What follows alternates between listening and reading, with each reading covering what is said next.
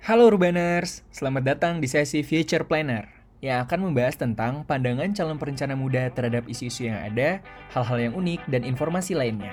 Kali ini bersama dengan Feby, Sali, dan gue Reza akan membahas seputar kota dan estetika. So, sebelum mulai, seduh kopi atau tehnya, and enjoy!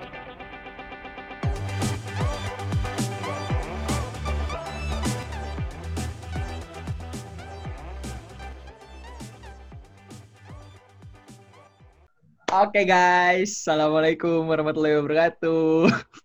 Waalaikumsalam, Mas Reja. Ini adalah podcast Tutur Kota. Eh, nama segmennya Future Planner. Eh, jadi Future Planner ini eh, maksudnya tuh kayak eh, gue pengen ngundang para para calon perencana muda gitu nantinya untuk membahas suatu ya isu-isu lah, isu-isu atau yang kekinian lah terkait kekotaan gitu. Nah, judul ini yang sekarang tuh kota dan estetika kaula muda. Jadi gue pengen tahu sebetulnya eh gimana sih sebuah kota itu dapat jadi ajang untuk anak muda dalam berekspresi gitu. Soalnya kan gue sering ngeliat banget tuh anak muda zaman sekarang kan eh kayaknya kekotaan banget tuh. Maksudnya dari gaya berpakaiannya, gaya kehidupannya sekarang gitu. Sekarang kayaknya udah pada udah pada gaul-gaul gitu kan apalagi uh, dengan hobi-hobinya nih. Tapi sebelum itu gue pengen uh, kenalin dulu nih teman-teman gue. Ada dua orang. Ada cowok sama cewek. Dari mana dulu nih? Uh, cowok deh dari mas-mas yang ganteng ini coba silakan kenalin. Halo, Assalamualaikum semuanya. Salam. Waalaikumsalam. Kenalin, gue Feby. Gue salah satu mahasiswa di kota Bandung. Terus kesibukan gue sekarang lagi nunggu masuk kuliah sama adalah bisnis kecil-kecilan. Asik. Kasih tahu tuh bisnisnya apa? Hmm, Boleh. Apa Pep? bisnis gue yang pertama itu ada sudut rajut. Terus bisnis yang kedua itu ada trip shop. Jadi buat yang minat, bolehlah. Bumi Kang Reja. Minat apa sudut rajut? Sudut rajut itu sebetulnya apa sih Pep? Sumpah dah. Itu bahan baju yang dirajut itu loh. Itu konveksi, Feb. Cukup Iya, informatif. khusus, Konveksi. khusus cewek-cewek ya. Oh, Khusus cewek-cewek nih. cowok nggak ada nggak bisa emang bikin baju rajut cowok. Guanya aja nggak mau bikin yang cowok. Pokoknya Rajut biasanya cewek banget gitu ya. Jadi temen gue ini Nah, julukannya kalau yang laki-laki bolehlah masuk thrift shop. Oke. Thrift shop ya sekarang juga lagi zaman nih. Kayak kayak thrift shop gitu di gue juga kayak orang kalau di Bandung asal kota Bandung kan ya Mas Febi ya tadi ya. Boleh, ya Kalau kota di Bandung. Bandung thrift shopnya di mana sih? Pep? Kayak kita mau Kebetulan di depan rumah gua sendiri. Oh, sum. Iya, Ya, tapi ya gua nggak, yang masa sih di ru- depan rumah? iya, tapi gua nggak ngelayanin offline ya. Jadi Tapi lu pakai nggak gitu. Jadi ny- naruh bajunya itu di satu tempat depan rumah gua, tapi gua nggak melayani yang beli secara offline. Gua ngelayaninnya cuma online. Oh gitu. Ntar lah gue pengen dong kalau ada hoodie-hoodian biar gaul gue main ke kota ya kan. Nongkrong. Ya sih? Boleh, jangan dikapung terus ya mas ya. Ah. Oke, yang satu lagi. Yang satu lagi cewek nih. Coba boleh eh, Mbak kenalin dirinya Mbak. Gimana Ya, Mbak? halo. Ya, Nah. halo gue Sally. Gue mahasiswi PWK. Sama kayak nih yang moderatornya nih sama yang satu lagi. gue Ah. lagi gue apa ya? berdomisili di Bandung lah, tinggal di Bandung. Dan sekarang masih gini-gini aja ya tiap hari. Karena belum mulai perkuliahan sama pandemi ini jadi gak bisa ke mana-mana kayaknya. Gitu aja.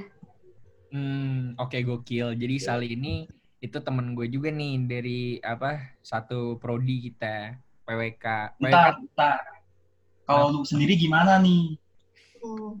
Oh gue Nama kita, nama kita, kuliah di mana? Lu sendiri present dong, boy. Iya, gue juga udah bikin trailer di podcast gue kalau lu udah dengerin. Nama gue Reza gitu kan. Ya. Cuma Hmm. sebelas gitu. Ya kan belum itu kan belum belum secara itu. Iya, nama gue Reza, nama gue Reza, gue mahasiswa salah satu perguruan tinggi di kota Bandung, asal gue dari Bekasi. Sibukan gue ngonten, ngonten, ngonten, ya. Ngeblow Ya, up, ngeblow up, ngeblow up. gitu, makanya gue buat nih podcast buat eh, teman-teman di luar sana tahu gitu kesibukan gue juga sama teman-teman gue nih yang paling keren-keren kayak gini gitu. Aduh, aduh. Enggak juga sih. Sali, Sali kesibukannya, amin. Sali punya bisnis gimana gitu enggak? Eh, bisnis sih bukan kayak usaha toko doang, toko plastik dan bahan-bahan gue gitu Tuh. deket rumah. Tapi itu juga sebenarnya dihandle sama masih punya orang tua sih sebenarnya. Hmm. Bukan punya aku juga.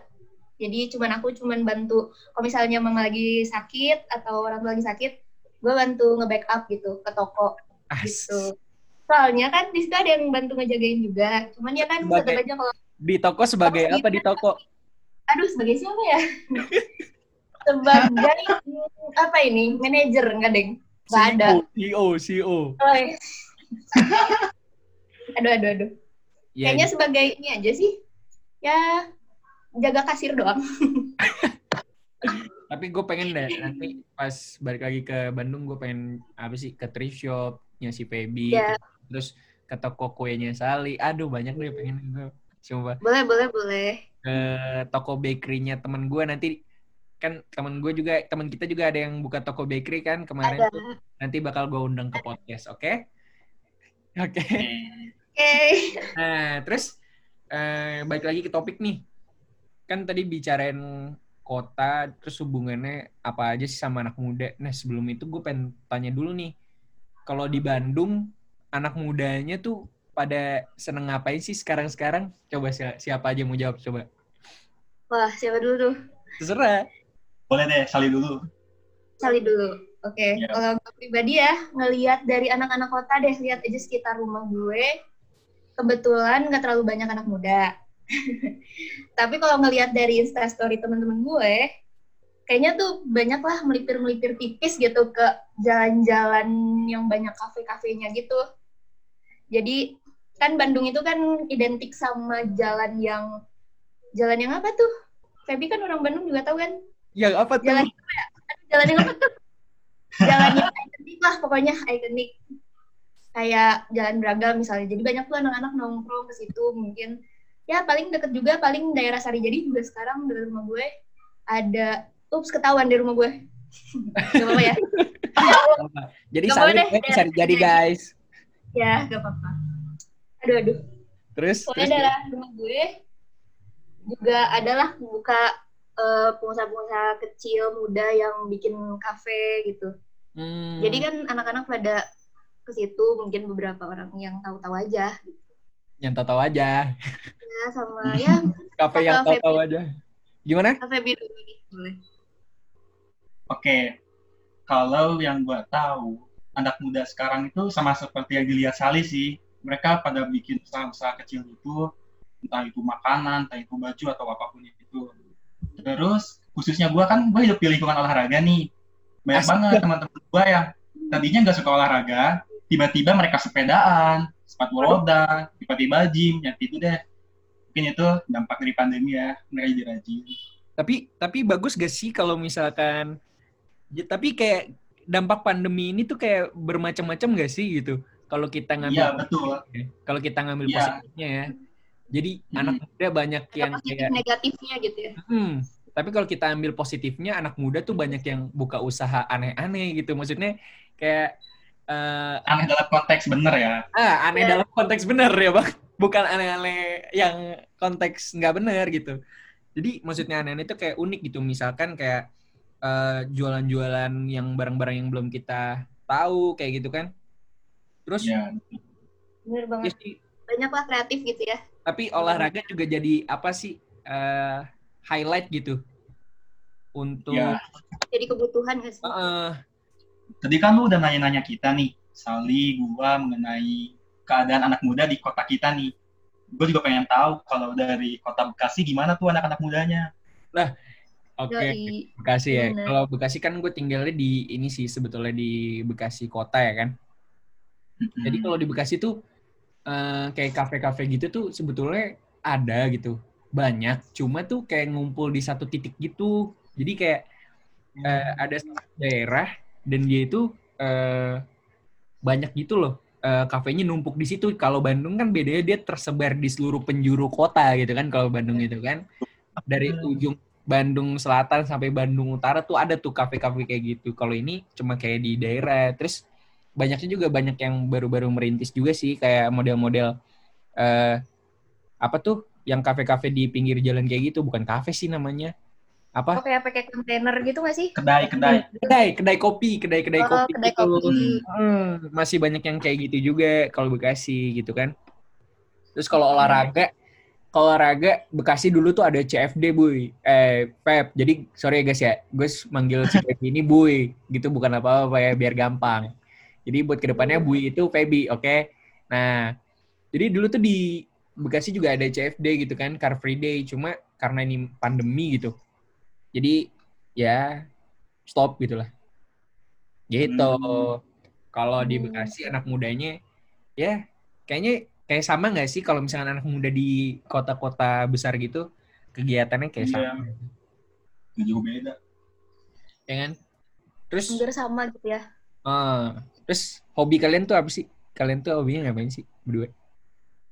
kalau gua sih udah tadi olahraga Olahraga. Apa sih olahraga yang lu tekunin, Pep?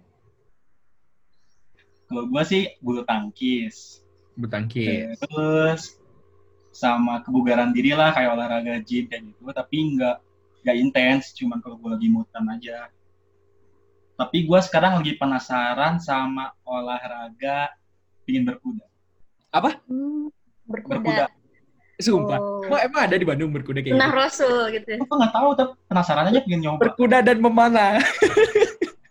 Enggak mana enggak Tapi gue juga pengen tuh, Pep, kalau misalnya emang lu berkuda, ntar lu kabarin gue, sumpah gue pengen banget berkuda kayak sendiri gitu. penasaran Tapi, nggak sih maksudnya tapi, tapi kayak sendiri gitu gak sih?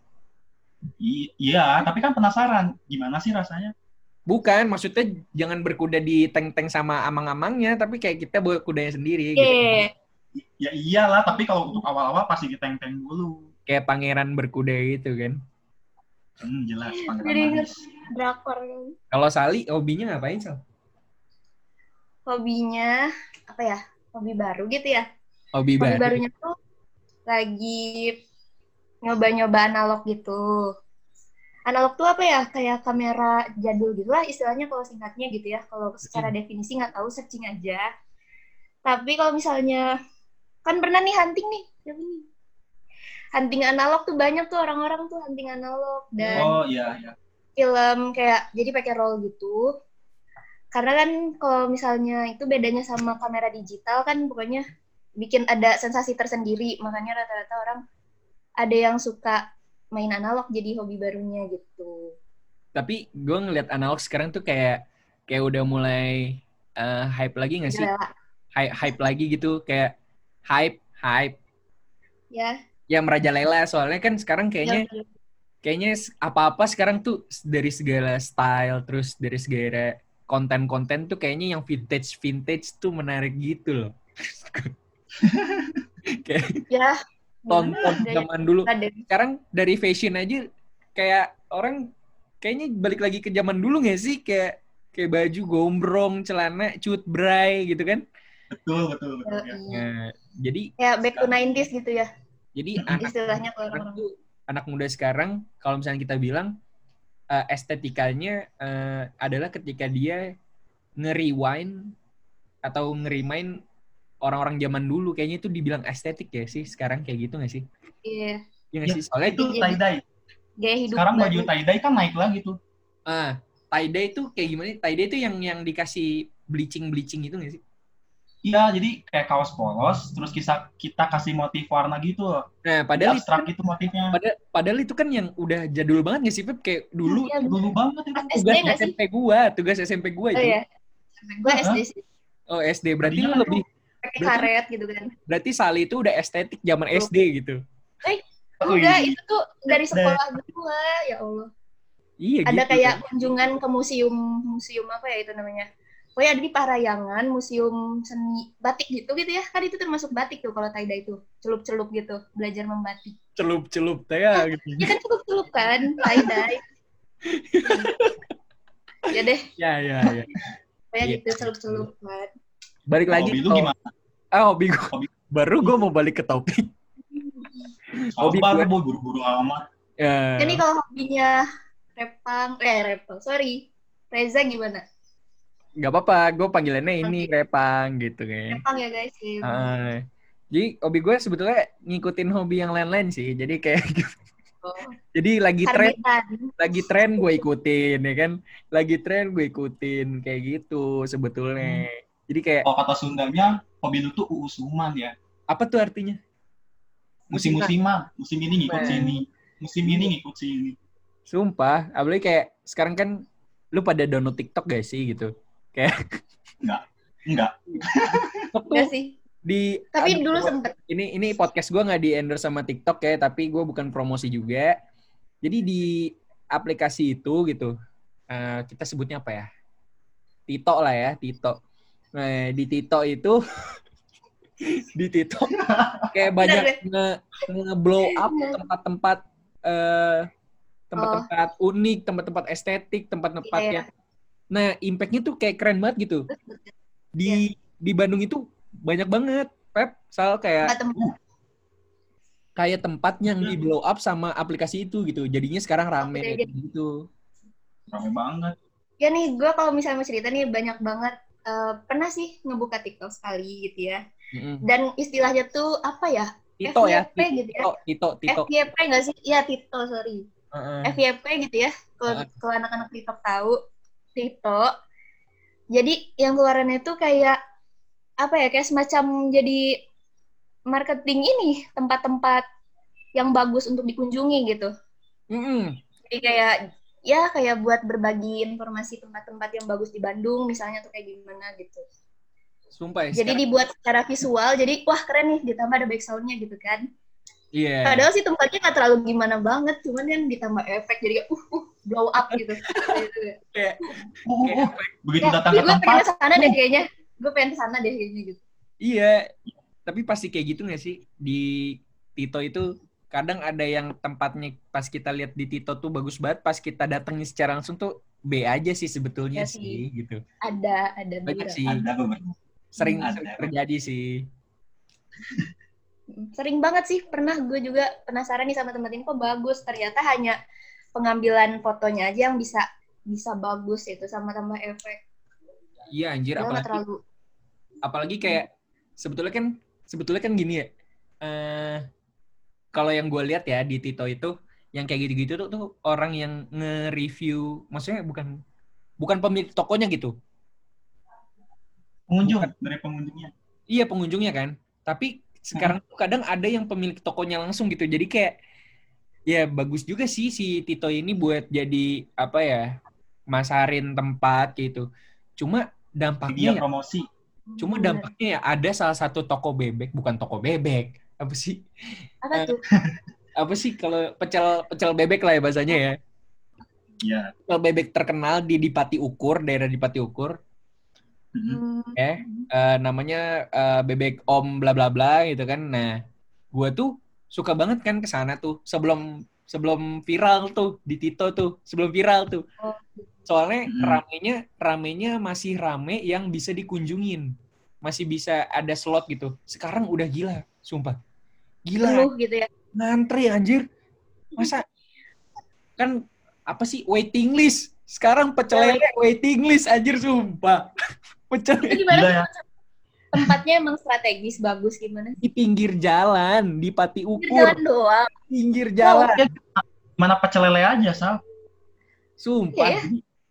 jadi, tuh Gila ya. kayak efek Berarti efek- kayak gimana ya kayak efek sosial media tuh sekarang kayak ini gak sih kayak ngaruh banget ke suatu tempat gitu suatu kota gitu khususnya sekarang kan banyak banget tuh promosiin kota-kota melalui media sosial juga tapi bukan kota kayak ini misalnya Bandung banyak pariwisatanya enggak gitu cuma eh, kayak tempat-tempat di dalamnya aja gitu jadi rame tuh Iya. Gitu sih kalau kata gue ya. Ya. Apalagi banyak banget tempat yang kayak sekarang tuh kayaknya kalau nggak estetik tuh nggak bakal laku gitu ya nggak sih? Maksudnya Iya, gimana coba? tapi itu jadi tugas juga nggak sih buat si pemilik tempat kalau misalkan dia udah estetik, udah banyak pengunjung. Jadi itu jadi satu PR yang besar buat pemilik toko gimana caranya mempertahankan keestetikannya. Sekarang kan kalau orang-orang datang ke satu tempat hanya melihat view, itu kan view pasti ada bosennya kan. Gimana caranya si pemilik toko itu memutar otaknya biar terus konsisten rame gitu. Oh, atau enggak mengupgrade gitu ya. Hmm. Kadang kan jadi harus mengupgrade. Kadang yang dulunya kata orang itu estetik dan bagus, tapi pas melihat orang-orang udah makin ke sini makin estetik, jadi wah kayaknya harus diupgrade nih gitu-gitu. oh jadi Tapi- maksudnya Nggak sih? si gimana gimana Sal? Ikutin tren gitu istilahnya. Ah, jadi maksudnya tuh kayak misalnya nih, udah dibangun nih eh, suatu tempat estetik misalnya ya kan, di satu kota ya kan, set. Misalnya katakanlah kafe gitu ya, ya kan? Iya. Terus kata Feby Masa itu, pokoknya si kafe ini eh, estetiknya tuh harus ngikutin zaman juga gitu, apa gimana maksudnya? Hmm. bisa sih dibilang gitu. Tapi kan kalau biasanya kalau tempat yang dicari hanya nilai estetiknya, kalau terus-menerus didatengin kan bosan nggak sih si orang-orang yang datang? Eh tapi masalahnya banyak banget sekarang yang tempat yang cuma kayak gitu, Feb. Jadi Nah iya, Khususnya lihat kafe. juga ntar tempat-tempat gitu pasti nggak akan se-booming pas di awal-awal. rame-rame aja, tapi kalau rame loh, serius. Katakan enggak loh. ini misalnya di Nggak juga ya Sal ya? ya gimana ya lihat dari ini sih. Pasti banyak aja kalau orang udah tahu nih satu tempat estetik pasti kesannya bakal estetik sih kalau menurut gua. Eh, kalau menurut pandangan orang tuh udah nih estetik nih nih tempat.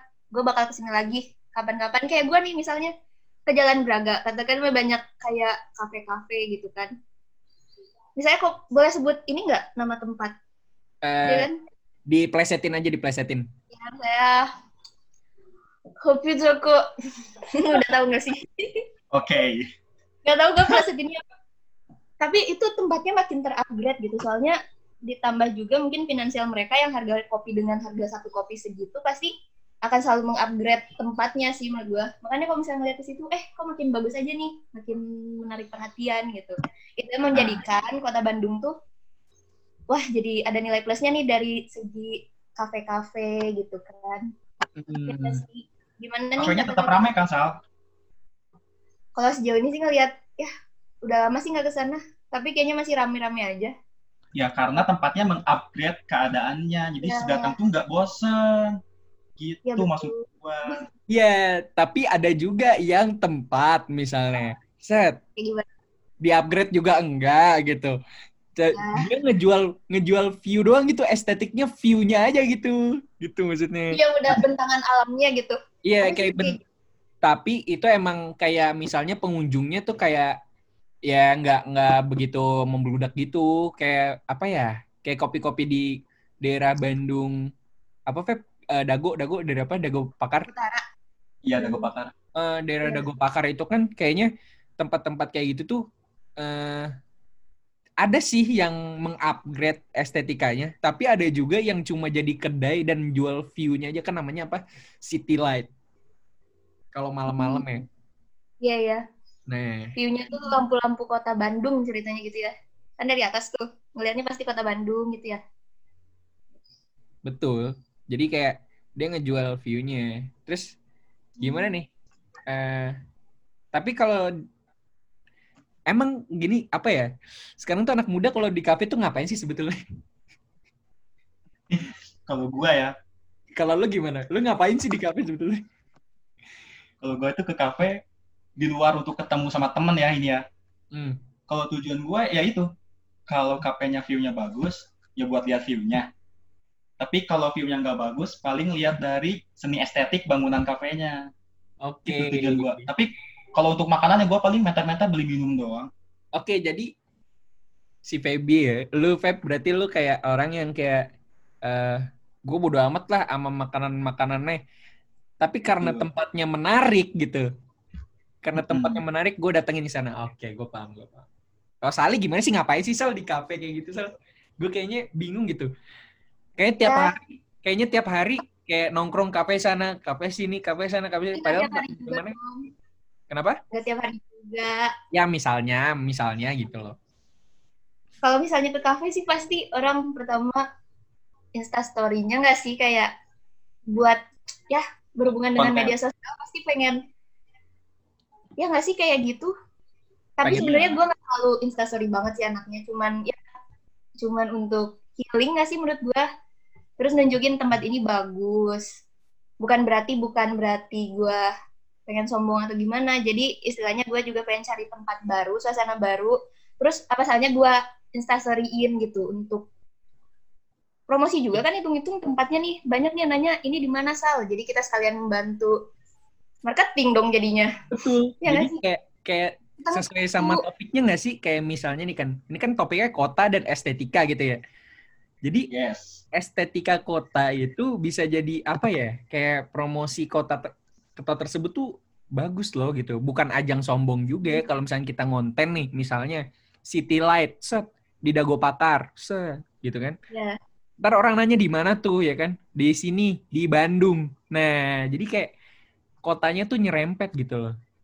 ya memasarkan kan jadinya Mm-mm. Jadi bukan bukan berarti yang ngonten-ngonten itu sombong ya kan, ngonten-ngonten tentang misalnya apa kayak gitu kan. Tapi dia ingin menunjukkan bahwasanya kotanya itu estetik gitu. Tapi nah ini nih yang jadi apa sih? Masalah bukan masalah sih. Jadi kayak bingung nih. Apa estetik itu cuma dilihat dari kafenya doang gitu. Nah, gimana nih menurut lu? Pep, Sal.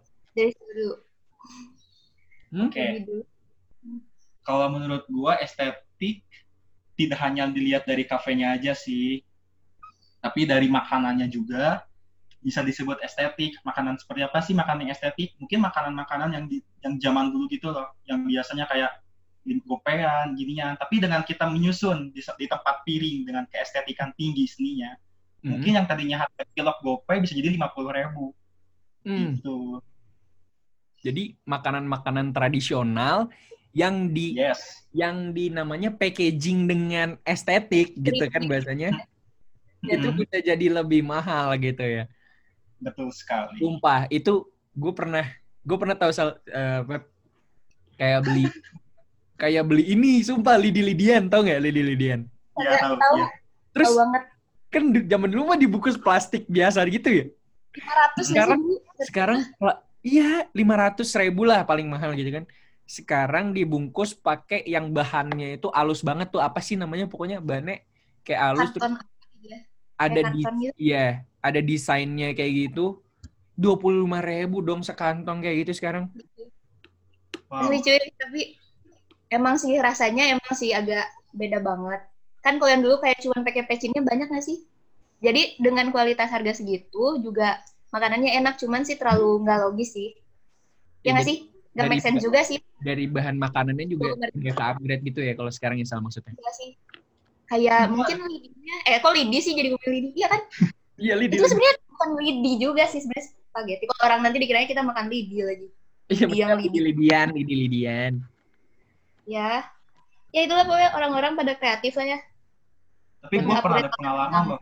kalau kalau Sali gimana Sali belum jawab nih Pep tadi maksudnya emang Kalau estet- estetika kota tuh dilihat dari kafe doang kan kalau tadi kata Feby kayak misalnya dari kayak Ya, produk ciri khas dari kota tersebut gitu. Produk kalau misalnya itu produk makanan kalau menurut gue sih lebih ke bangunan bersejarahnya nggak sih? Hmm. Apa yang udah ditinggalin hmm. sama misalnya nih arsitektur Belanda tuh gue salut banget sih sama Oh, peninggalan sih itu.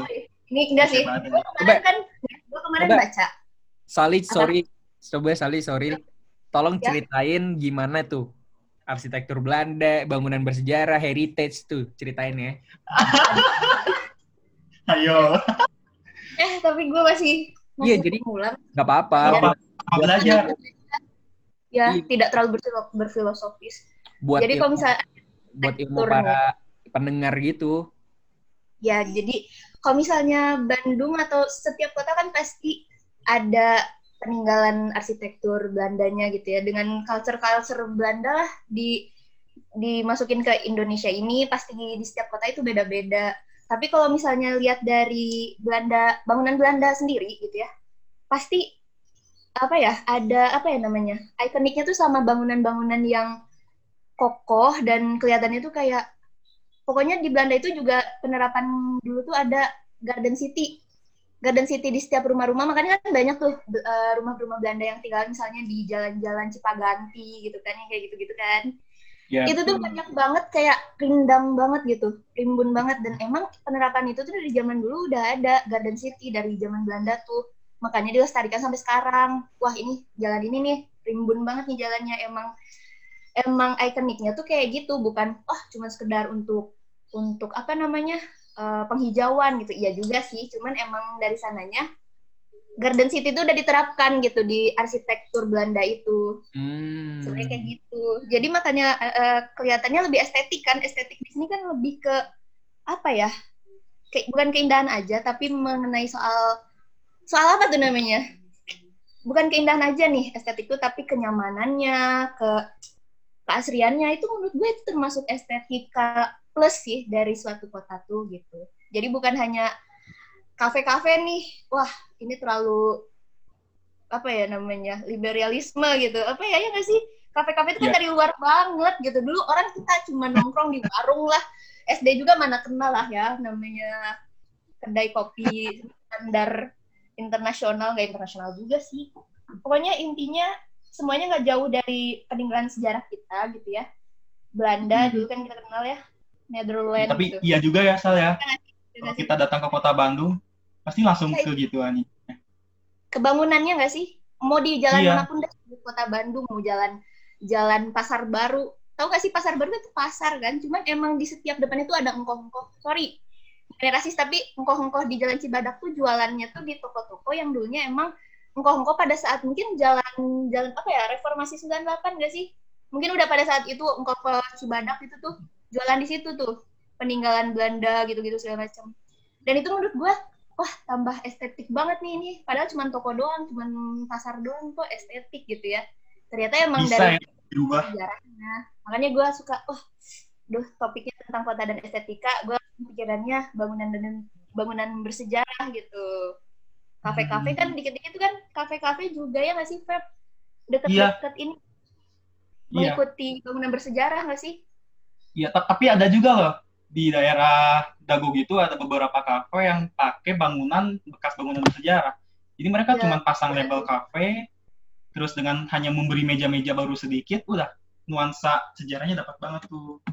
Kolaborasi ya. antara zaman dulu dengan zaman anak muda dengan memberikan estetika yang baru. Oke, Anja. Eh, tapi, boleh tadi, nanya nggak nih? Kita highlight dulu, highlight tadi kolaborasi apa, Pep? Kolaborasi. Kolaborasi antara zaman dulu dengan zaman anak muda dengan memberikan nilai estetika yang baru. Asik, itu keren banget cuma. Itu keren banget. Keren banget. Bentar, bentar, gue pengen nanya balik nih. Ini kan dari kota Bandung nih ya. Aduh, ini kan dari kota lagi Bandung. Nih, Bekasi lagi nih. Gue pengen iya nanya, Bekasi gimana tuh? Pasti kan setiap kota memiliki keunggulannya masing-masing. Iya kan? Iya dong, gimana kalau dari Bekasi? Iya. Uh, kalau Jakarta nggak sih? Boleh deh Jakarta juga. Gimana Sal? Uh, selain Bekasi yang deket-deket mungkin Bogor, Jakarta yang yeah. ya deket-deket mungkin mungkin mungkin gue bakal bahasnya uh, General Jabodetabek lah ya. Kalau Bekasi iya. doang nih, kalau Bekasi doang secara geografisnya tuh sangat tidak mendukung untuk kayak misalkan City Light kayak gitu-gitu udah nggak ada tuh Bekasi tuh. Itu tuh udah mainnya ke Bogor, uh, Puncak kayak gitu-gitu. Nah kalau oh. kayak di daerah Jabodetabek sih kayak Depok, Bogor, Jakarta apalagi itu banyak banget kayak kafe-kafe yang uh, manfaatkan apa ya? Pokoknya dia nuansanya alam gitu sih. Kayaknya estetiknya ke arah ya alam dan itu bagus banget karena alam itu kan uh, ini ya uh, vegetasi gitu, penghijau gitu kan. Nah, terus yeah. setahu gue juga, setahu gue ya, sorry uh, kalau salah gitu, tolong dikoreksi para future planner kalau nggak salah di suatu kota tuh ketentuannya untuk ruang terbuka hijau itu minimal 30% ya. Kalau nggak salah ya. Hmm, betul. 20% ya, ya. publik, 10% privat kalau nggak salah. Nah, jadi hmm. kayak kayak sekarang tuh di Jabodetabek tuh khususnya kayak daerah Bogor, apalagi Bogor Depok itu eh Bogor sih. Bogor yang banyak hijaunya itu dia manfaatin banget yang namanya uh, nuansa alam buat dijadiin kayak kafe gitu. Tapi kalau gue tadi ya tanggepin yang Sali sama Feby yang terkait apa sih eh, bangunan-bangunan bersejarah kayak gitu. Sebetulnya eh, bangunannya betul emang berseja apa ya estetik banget kalau dima- dimanfaatkan dan dijaga kayak di perawat apa sih ada perawatannya gitu kan. Soalnya Iya. banyak banget nih gue juga ngelihat kayak sayang banget kayak misalnya kalau misalnya ada bangunan bersejarah tapi kayak tidak dimanfaatkan tidak di apa ya tidak dipelihara dengan baik terbengkalai gitu. Kan nggak bisa jadi apa ya jadi jadi mark gitu buat kota itu sendiri. Padahal itu kan jadi jadi bahan gitu kan buat kota itu sendiri. Tapi gue sih kalau di Bandung paling seneng coba jalan daerah Cipaganti itu. Itu udah udah paling lu kalau lewat sana orang Bandung atau orang luar Bandung yang pernah lewat sana itu kayak hati lu tenang jiwa lu Hmm, gitu ya. Beda aja auranya ya. auranya beda gitu kecuali pas kalau kepegat lampu merah sih itu beda sih kalau kepegat lampu merah Eh tapi semenjak udah jalurnya diubah jadi nggak macet banget nggak sih? enggak Udah udah udah diubah gitu. iya sumpah itu kan kayak Cipaganti dulu kan turun ya eh dulu naik ya Ya pokoknya dua jalur gitu. eh pokoknya pokoknya tuh dirubah deh pokoknya mau naik mau turun pokoknya dirubah itu Iya, iya. Iya gitu deh pokoknya. Jadi estetika kalau kata Sali barusan itu bisa banget dilihat dari bangunan-bangunan bersejarahnya baik itu di eh, pusat kota tapi paling banyak sih di pusat kota ya Saleh Iya sih. kayak Eh, bangunan-bangunan di pusat bersejarah kayak apa kalau bangunan bersejarah di Bandung salah satunya Sal yang di di Jalan Braga tuh ada tuh di Jalan Asia Afrika juga tuh ya kan Asia. Banyak. Iya Iya, ada itu, apa ya namanya? eh, museum nggak sih itu sebenarnya? Mm-mm. Tempat konferensi konferensi dulu tuh apa Asia Afrika. Nah, tempat konferensi Asia Afrika. Terus juga kalau nggak salah pernah baca gitu, lupa nama gedungnya apa di daerah Braga tuh sebagai yang itu tahu yang bioskop zaman dulu itu di Jalan Braga. Jadi bioskop pertama dulu di Braga itu eh itu tuh yang di Jalan Braga gitu. Tapi ngomongin Jalan Braga nih. Tahu nggak sih sejarahnya Jalan Braga kenapa dia bisa paving block kayak gitu? Oh itu nggak tahu sih. Boleh diceritain nggak? gue sih gue sih udah lama sih bacanya asik sombong banget jadi jadi tuh dulu uniknya jalan Braga itu kan dia tuh kan jalan lupa ya koreksi kalau nggak salah sih kolektor ya dia tuh jalan kolektor di mana dia paving block ya kan nah ini ada kaitannya sama Bandung terkenal sama fashionnya sumpah jadi Jadi Oh, iya. apa hubungannya? iya jadi dulu Pak- Jadi dulu tuh jalan jalan Braga tuh eh, sepanjang jalan Braga yang paving block itu dipakai buat fashion show. Sumpah. Oh, Oh, jadi. Sumpah tahun berapa lupa tahun berapa. Jadi itu dulu digelar karpet merah sepanjang jalan Braga itu dipakai fashion show. Jadi wah gokil sih gokil. Wow, Jalan- baru tahu. Jadi ada gelar karpet merah gitu selama di Iya, sepanjang jalan. iya, Oh, gelar gila karpet sih. Gue kebayang banget ada festival fashion gitu. Iya kan? Ya nggak sih? Iya itu Keren. juga kepikiran kayak Iya, gitu. Gue baca itu. Soalnya emang emang bener kayak gitu gitu. Cuma lupa tahun berapa berapanya gitu. Pokoknya waktu zaman masih ada Belanda dan lain sebagainya itu dipakai buat fashion show kayak gitu. Terus gitu deh jadinya kayak sekarang jadi tempat estetik kayak gitu-gitu. Terus bagus Iya, juga iya. sih. Bagus juga eh kayak sekarang kan ada bandros tuh ya. Dia kayak keliling-keliling gitu kan. Oh, bener. Ya, keliling-keliling. Kayak nge- itu sebenarnya gue belum pernah naik bandros sih. Kalau kalian udah belum? Udah Kayak- dong. Emang lu udah. nggak ikut kunjungan, Sal? Oh enggak ya, beda kelas kita sama. Eh, beda kelas sih ya ya Allah. Oke Ya guys. Allah, gue gue kelas mana? lu? Paling eh, kesimpulannya nih karena ya panjang-panjang juga ya eh, ntar jatuhnya kayak kuliah ya kan? Ini kan podcast gitu nyantai. Jadi kesimpulannya gimana Feb? Kalau dari Feby gimana Feb kesimpulannya?